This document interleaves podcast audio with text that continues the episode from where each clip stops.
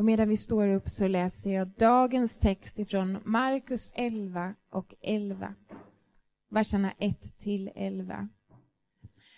När de närmade sig byarna Betfage och Betania som låg alldeles utanför Jerusalem vid Oljeberget skickade Jesus två av sina lärjungar i förväg. Gå in i byn som ligger framför er, sa han till dem, och när ni kommer fram dit så får ni se en ung åsna stå bunden där som ingen har ridit på än. Ta den och kom hit med den. Och om någon frågar vad ni tänker göra med den så säg bara vår mästare behöver den, men han kommer snart att lämna tillbaka den. De två männen gav sig iväg och fann åsnan stå bunden på bygatan vid en husport. Medan de höll på att lösgöra den så sa några som stod där, men vad tar ni er till? Tänker ni ta åsnan? De svarade som Jesus hade sagt, och då lät man dem ta den. De ledde sedan den unga åsnan till Jesus och lärjungarna lade sina mantlar på den och Jesus steg upp på den och red mot Jerusalem. För att hylla honom la många människor ut sina kläder som en matta framför honom och andra bredde ut gröna kvistar från träden.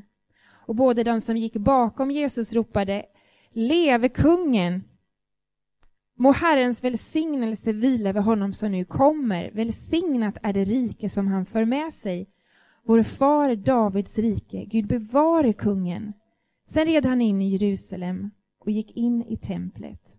Och där gick han runt och iakttog, iakttog noga vad allt för sig gick där. Men eftersom det redan var sent på eftermiddagen återvände han till Betania med de tolv lärjungarna. Det är Guds ord till oss idag. Varsågoda och sitt.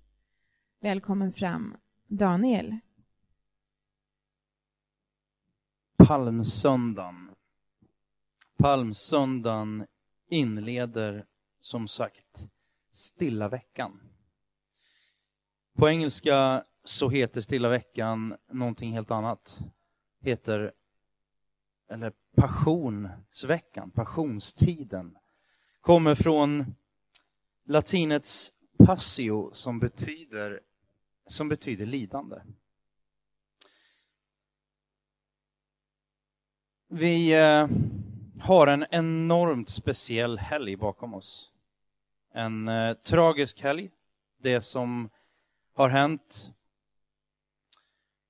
i fredags klockan, jag tror det var 14.53 på fredag eftermiddagen när tre människor, fyra människor, eh, tragiskt fick, fick eh, avsluta sina liv. Eller det var en person som avslutade deras liv. Vi gick ut med Drottninggatan idag och var del av den här manifestationen en stund innan vi begav oss hitåt. Och för ett antal människor så är det här verkligen inte på grund av påsken utan det är lidandets tid av helt andra anledningar. Och jag tänker att det är otroligt viktigt man har följt en del på sociala medier och en del, jag är så glad för att, att politikerna håller tillbaka och inte försöker använda det som hänt för liksom politiska slagträn eller Tyvärr är det ganska mycket olika krafter i vårt samhälle som använder sådana här situationer för sina, sina egoistiska syften. Jag brottades lite grann med hur jag, ja men liksom, hur, hur kan jag stå här eh, framme och, och tala om, om eh, men vad, vad, vill jag, vad vill jag blanda in? Hur vill jag att, att det som har hänt ska få färga den här predikan? Eh, och jag tänker bara att det är någonting som har hänt som kommer att följa med många av oss under lång tid. Jag hoppas att hur, den, hur svårt det än är att tänka de, de tankarna eh, när något sånt inträffar så hoppas jag att det som är gjort går inte att göra ogjort såklart. Men jag hoppas att vi alla kan bidra till ett, ett bättre samhälle efter det här. Jesus kom inte och han red inte in främst för att bara skapa ett bättre samhälle. Det blir det som frukt, men Jesus kommer av en så otroligt mycket djupare anledning. Frukten är av, av ondskan i världen vi ser som den här helgen, det är frukten av ondskan. Ondskan visar sitt fula och eländiga ansikte.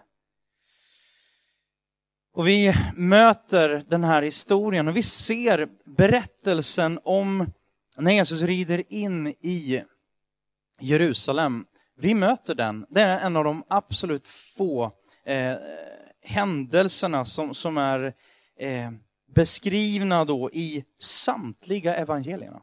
I alla fyra evangelierna finns den här händelsen eh, beskriven. Och eh,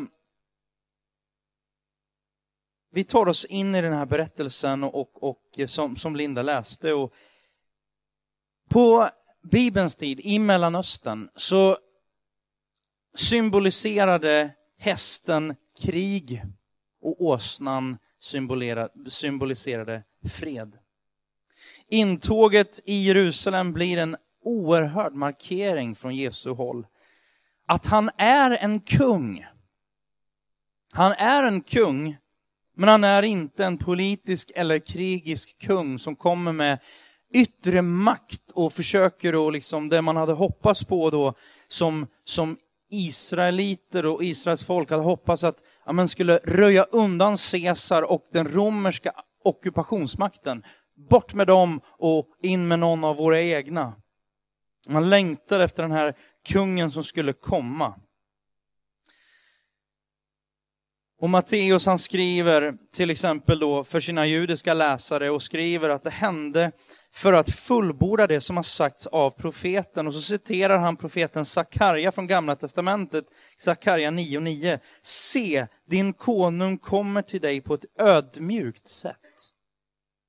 Ridande på en åsna, på ett föl, ett lastdjurs föl. Jesu intåg i Jerusalem markerar naturligtvis början på slutet. Början på den sista veckan i, i ja, innan Golgata, innan påsken och Jesu död på Golgata. Det här är vad evangelierna eh, egentligen är det liksom något slags epicentrum. Eh, Markus till exempel, han spenderar en tredjedel av hela evangeliet på bara den här sista veckan. De flesta av evangelierna uppehåller sig enormt mycket kring bara den här sista veckan och man förstår att den här att den är en, en nyckeltid i inte bara Jesu liv utan i våra liv. Och jag ska försöka ta reda på lite grann vad är det som händer? Vad är det som händer? Och vad handlar det här om? Först och främst så bevisar ju det, eller pekar väldigt, väldigt tydligt på att Jesus han rider in han vet vad som komma skall, han är inte ovetandes. Och det pekar så enormt tydligt på vilken Gud det är vi tjänar. Det är inte en krigsgud, det är inte en Gud med, med nej, det är en Gud som är ödmjuk. En Gud som kommer ner. En Gud som inte drar sig för någonting. Att hans kärlek till skapelsen har inga gränser, så han till och med ger sin enda son för att dö på ett kors. För att vi skulle få evigt liv. För att det här, den här ondskan som har, som har gripit och satt klorna i mänskligheten skulle, skulle slitas, den här kraften, de här klorna skulle slitas bort ifrån mänskligheten. Han rider in i Jerusalem, men poängen är ju också väldigt tydlig. Han rider in i våra liv. Och hur rider han in? Han rider in, och första punkten är, han rider in stark. Han rider in stark. Jesus är ödmjuk, men han är knappast anspråkslös. Och det här tycker jag, både jag själv och många av, av oss kristna, kanske inte minst i Sverige, vi har fått det precis tvärtom. Vi gör Kristus, Jesus, till någon som är totalt anspråkslös totalt anspråkslös och han låter inte särskilt ödmjuk. Men han är ödmjuk, men han är väldigt väldigt tydlig. Så den Jesus som vi hör ibland, kanske att han är alldeles för otydlig och alldeles för anspråkslös. Han svarar ju på frågon, frågorna, är du Guds son? Ja, det är jag. Det är ganska tydligt, eller hur? Han säger, det här templet, det är min faders hus, det är mitt hus. Det är också ganska tydligt. Jag är vägen, inte en av många vägar som bär till Rom. Jag är vägen, jag är sanningen, jag är livet. Ingen kommer till Fadern utom genom mig, säger Jesus. Han, han gör anspråk på enorma ord som sanning. Eller rättare sagt sanningen i bestämd form. Jag tror att vår bild av Jesus blir lite förvirrad ibland. Lite sådär ut, ja men lite för mycket smoothed out. Jesu intåg i Jerusalem, återigen då engelskans benämning på det här, Jesus triumphal entry. Det är lite skillnad. Ja.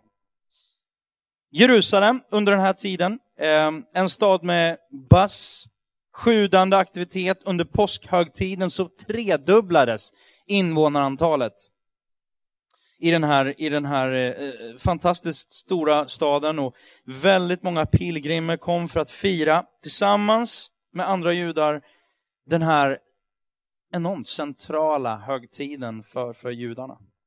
Och han, han gör ett ödmjukt intåg, dock allt annat än menlöst. För det är så tydligt, ingen annan än en kung rider in på ett, på ett sånt sätt. Och man kan ju tänka då, det står att, att Jesus han börjar, han utgår ifrån den här lilla orten Betfage, där han börjar rida. Och den ligger precis intill Olivberget och Betania. Och man kan ju tänka sådär att det låter som att han, han liksom, han bara, ja men gå dit eh, till den här åsnan och ni kommer hitta, och han, alltså om man bara tittar in så här, vad, vad, vad har hänt tidigare? Vad är det här för ett område? Så kan man säga så här att både Betfage och Betania, speciellt Betania, där bodde, han hade rört sig där under många, många år. Där bodde några av hans absolut närmsta vänner. Maria, Marta och Lazarus. Han hade rört sig där. Alla visste vem han var. Och han visste vem alla var. Ja, inte riktigt alla kanske, men alla visste definitivt vem han var. Eh, och det, finns kanske, det fanns kanske ingen grupp människor eller inget litet samhälle där utanför Jerusalem som så tydligt visste vem Jesus var. Därför att han hade ju varit där inte så jättelångt tidigare och han hade ju rest Lazarus från de döda. Och precis innan det här så han, har han eh, eh, gett en kille synen tillbaka i Jeriko. Så det har hänt en massa saker och Jesus börjar få ett, ett stort antal efterföljare. Och den här, den här, man har ju diskuterat då, skulle Jesus verkligen, skulle han bara sno en åsna sådär? Skulle han bara ta den och där, det är lugnt, det är bara Herren ska ha den. Det är ju sannolikt att, att, eh, och det står också att han skulle lämna tillbaka den förvisso, men, men förmodligen så visste han att ja, jag känner de här. Jag känner dem och de känner mig och jag kommer få låna den, det, det är OK. Eh, han visste, förmodligen visste han precis vad han gjorde. Det var orkestrerat av honom, därför att det var, det var så tydligt att, han, att han, han hade ett mission. Han var på väg och han skulle visa sig själv som den kungen han var. Och nu fanns det ingen väg tillbaka. Tärningen är kastad, som man brukar säga. Och han kommer in och det han säger med sitt intåg är egentligen krön mig till kung eller döda mig. Det, fi det, finns liksom ingen, inget mellanting. Han kommer inte med lite lagom. Och precis som han rider in i Jerusalem och folk var tvungna att ta ställning, antingen så är han kung eller så är han inte kung. En kung som utger sig för att vara kung utan att vara det, ja, han går en säker död till mötes. Och precis som han rider in i Jerusalem så rider han in i våra liv. Och han ställer frågan, Vill du göra mig till kung eller vill du ha bort mig? Varenda intellekt, varenda sinne, varenda hjärta konfronteras med det här en dag som denna. Och Gud säger i Jesus Kristus, han säger jag vill ha allt av dig. Jag vill ha allt av dig. Och frågan är om du vill ha allt av honom, annars får det bli inget av honom. För några veckor sedan så hade vi eh, Lisa, eh, pastor från Östermalmskyrkan i Kristianstad, var med på en av våra torsdagsmässor. Hon predikade på texten från Uppenbarelseboken 3 om församlingen i Laodikeia, som, där, där Gud säger till församlingen, du tror du har allt, men sanningen är att du har ingenting. Du är dessutom, du är ljummen. Om du så ändå vore antingen varm eller kall, antingen älskade mig eller åtminstone hatade mig, så det var, det fanns en interaktion, men du var bara, du var bara indifferent. Likgiltighet. Psykologer säger att i relation till någon man älskar, så det absolut mest våldsamma du kan göra mot en människa, det är inte att säga dumma saker, inte att tracka, inte att mobba, inte... Allt det där är hemskt. Det är faktiskt, finns någonting som är värre till och med än att göra någonting fysiskt och slå någon. Det absolut mest våldsamma du kan göra, det är att inte erkänna någons existens. Med andra ord säga att du finns inte. Det är det mest våldsamma. Och vi, apropå torsdagsmässor, så fick vi höra Mikael Hallenius berätta om sin mamma som inte ville kännas vid, vid honom. Adopterad vid några års ålder och en, en tuff period. Han berättade om, om, om det. Och att inte erkänna någons existens. Och på ett sätt säger Jesus, han, nej, för allt i världen, gilla mig inte.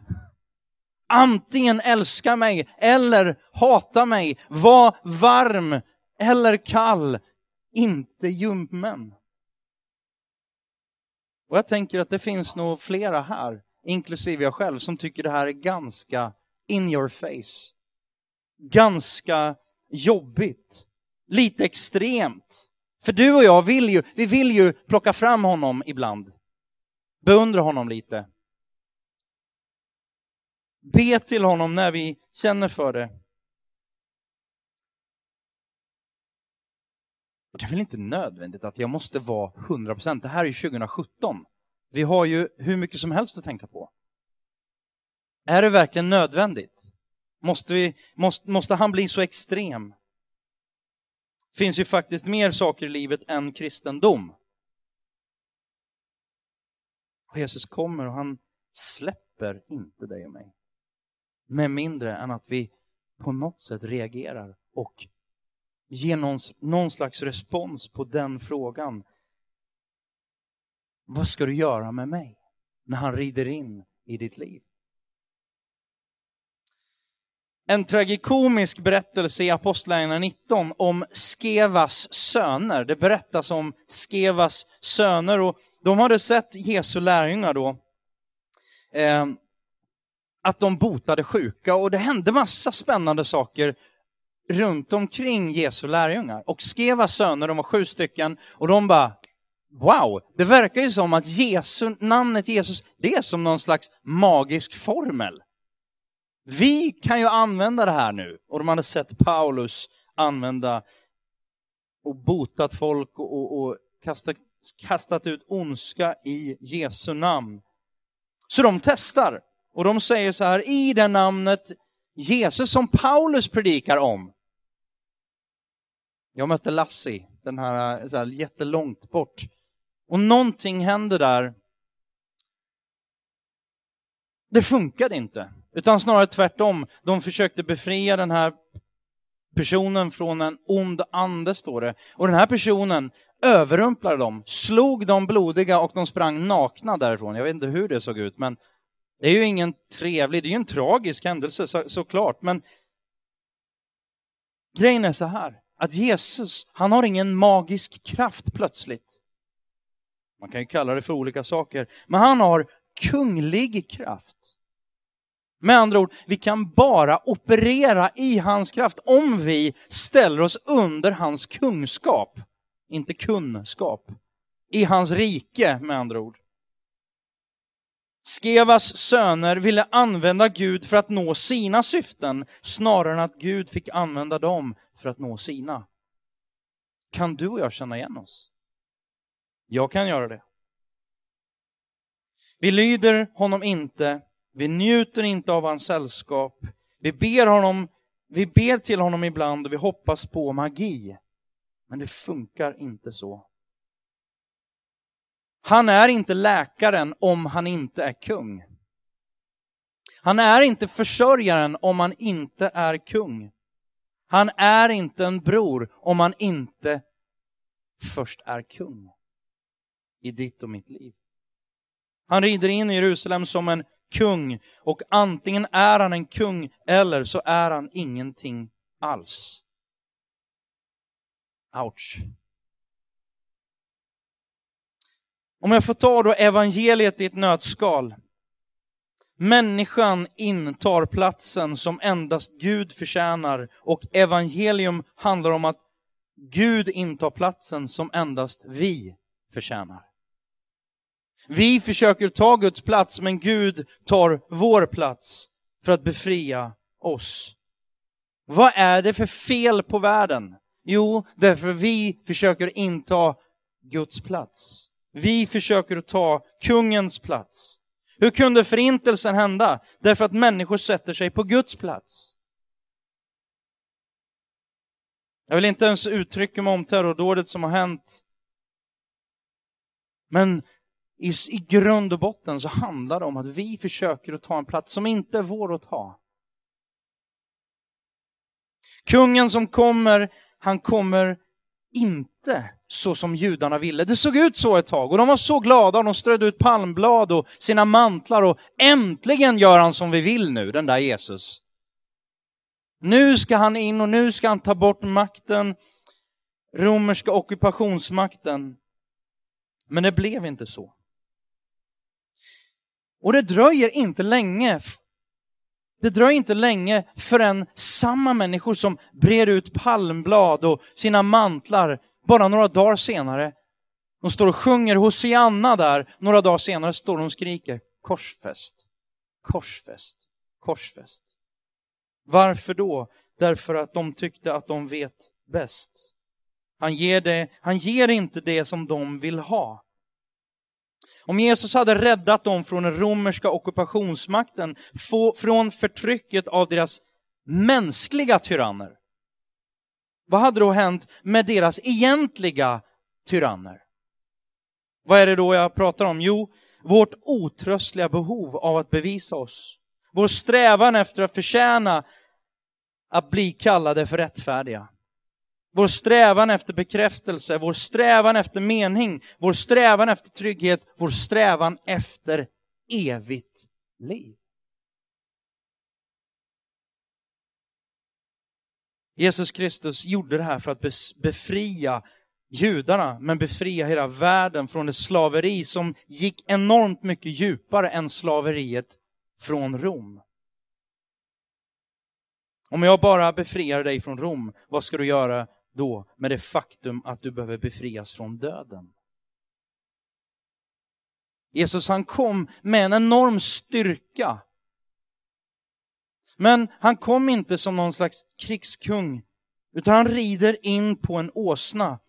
Och det är den andra biten, han rider in svag. Så han är stark och han är svag, han är ödmjuk. Profetior säger i Gamla Testamentet att när den messianska kungen kommer, vi kan läsa från Första Mosebok 49, vers 11. Han binder sin ungåsna vid vinstocken, sitt åsneföl vid den ädla rankan. Han tvättar sina kläder i vin, sin mantel i druvors blod. En stor kung kommer Och alla nationer kommer böja sig inför honom och han kommer ställa allting till rätta. Den här referensen, tvätta sina mantlar i vin, det handlar om framgång, det handlar om att allt kommer bli fantastiskt bra. Men vilken kung kommer på en åsna? Igen då, Sakarja 9 och 9. Fröjda dig stort, du dotter Sion. Jubla, dotter Jerusalem. Se, din kung kommer till dig, rättfärdig och segerrik är han. Han kommer ödmjuk ridande på en åsna, på en åsninnas föl. Jag vill läsa någonting kort ur en bok som heter It is well av Steve Lambert och Mark, Dever som beskriver just eh, Jesus.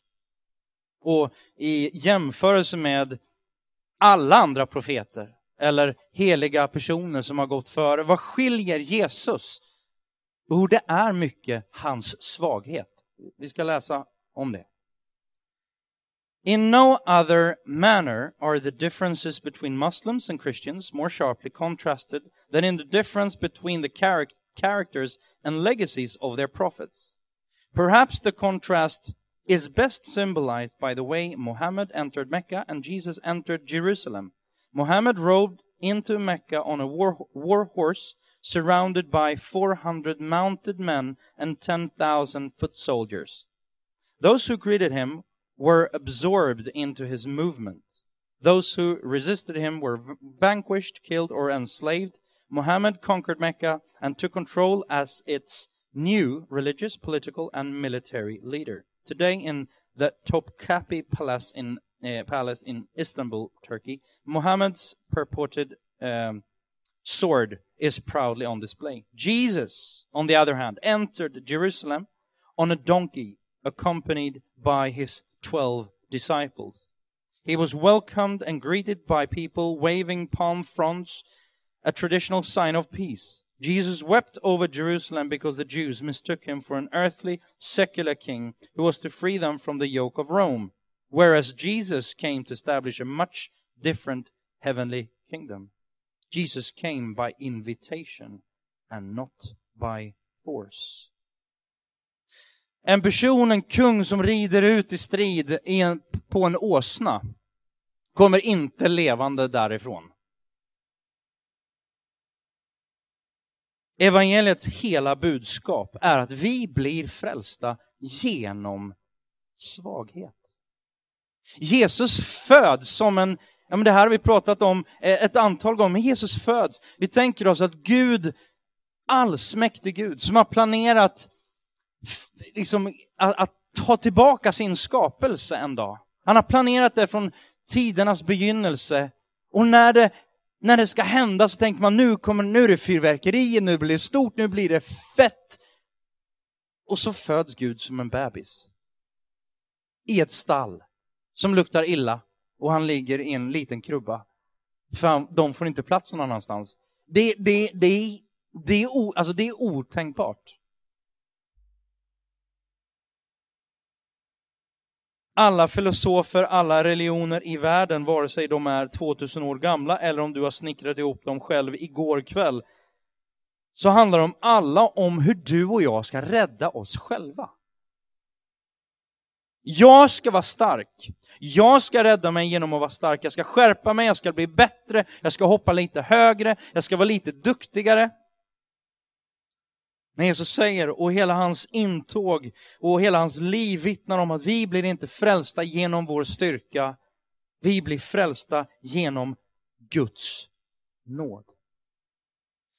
Människans universella religion då, att vi kan bli frälsta genom vår egen styrka. Om vi tänker så här att om du, du och jag tror att vi innerst inne, vi tror innerst inne att vi måste vara starka. Vi måste lyckas. Då tror jag att de stunder då du lever upp till en viss standard och kanske att den har att göra med vilket samhälle du lever, av, eh, lever i, kanske. Och du jämför dig med vissa andra. Stundtals kan du nu känna dig, det går bra nu. Det känns rätt bra, jag är stark nu. Nu funkar det. Det flyter på. Jag klarar mig bra mycket bättre än de där och de är ju helt ute och, och, och vimsar. Eller så kanske du, när det har svängt, känner att du är inget annat än ett stort misslyckande. På ett sätt kan man säga att du är mjuk. Jag vill inte ens använda ordet ödmjuk. Men kanske egentligen handlar det mer om att man är underdånig och man faller under den här tyngden. Och man är egentligen inte heller stark, inte heller järv. Du är inget av det. Jesus var både stark och mjuk och svag och ödmjuk. Vi kanske inte ens är starka och arroganta, utan vi kanske i själva verket bara är svaga och arroganta. Om du har en styrkans religion, ja vad händer då om någon gör något fel mot dig? Vad, vad händer då? Vad blir din ryggmärgsrespons? Vad blir min ryggmärgsrespons? Jag kommer definitivt vara arrogant och jag vill inte, jag kommer inte förlåta. Jag kommer vara arg och bitter. Och det kommer ta tid. Om något händer som är riktigt, riktigt dåligt, något fruktansvärt och du tycker att du lever upp till vissa standards, då kommer du knyta handen mot Gud. Det är risken. Du kommer tycka att ha rätt gentemot Gud. Du är skyldig mig ett bättre liv. Varför händer det här mig? Det här är en jättesvår fråga. Jag tror att du med mig, jag tror vi är väldigt få, jag tror inte det finns någon som aldrig har, har känt det så. Gud, hur kan du tillåta det här att hända mig? Om du tycker att du har misslyckats och kanske då inte har levt upp till rätt standard, då kan det hända att du förmodligen tänker att du förtjänar det som hände dig. Men med palmsöndagen och med budskapet Jesus kommer med så säger han, om du är en troende, om du är en efterföljare av mig, den ödmjuke, frimodige, starka och järva kungen, då kommer du bli frälst genom svaghet.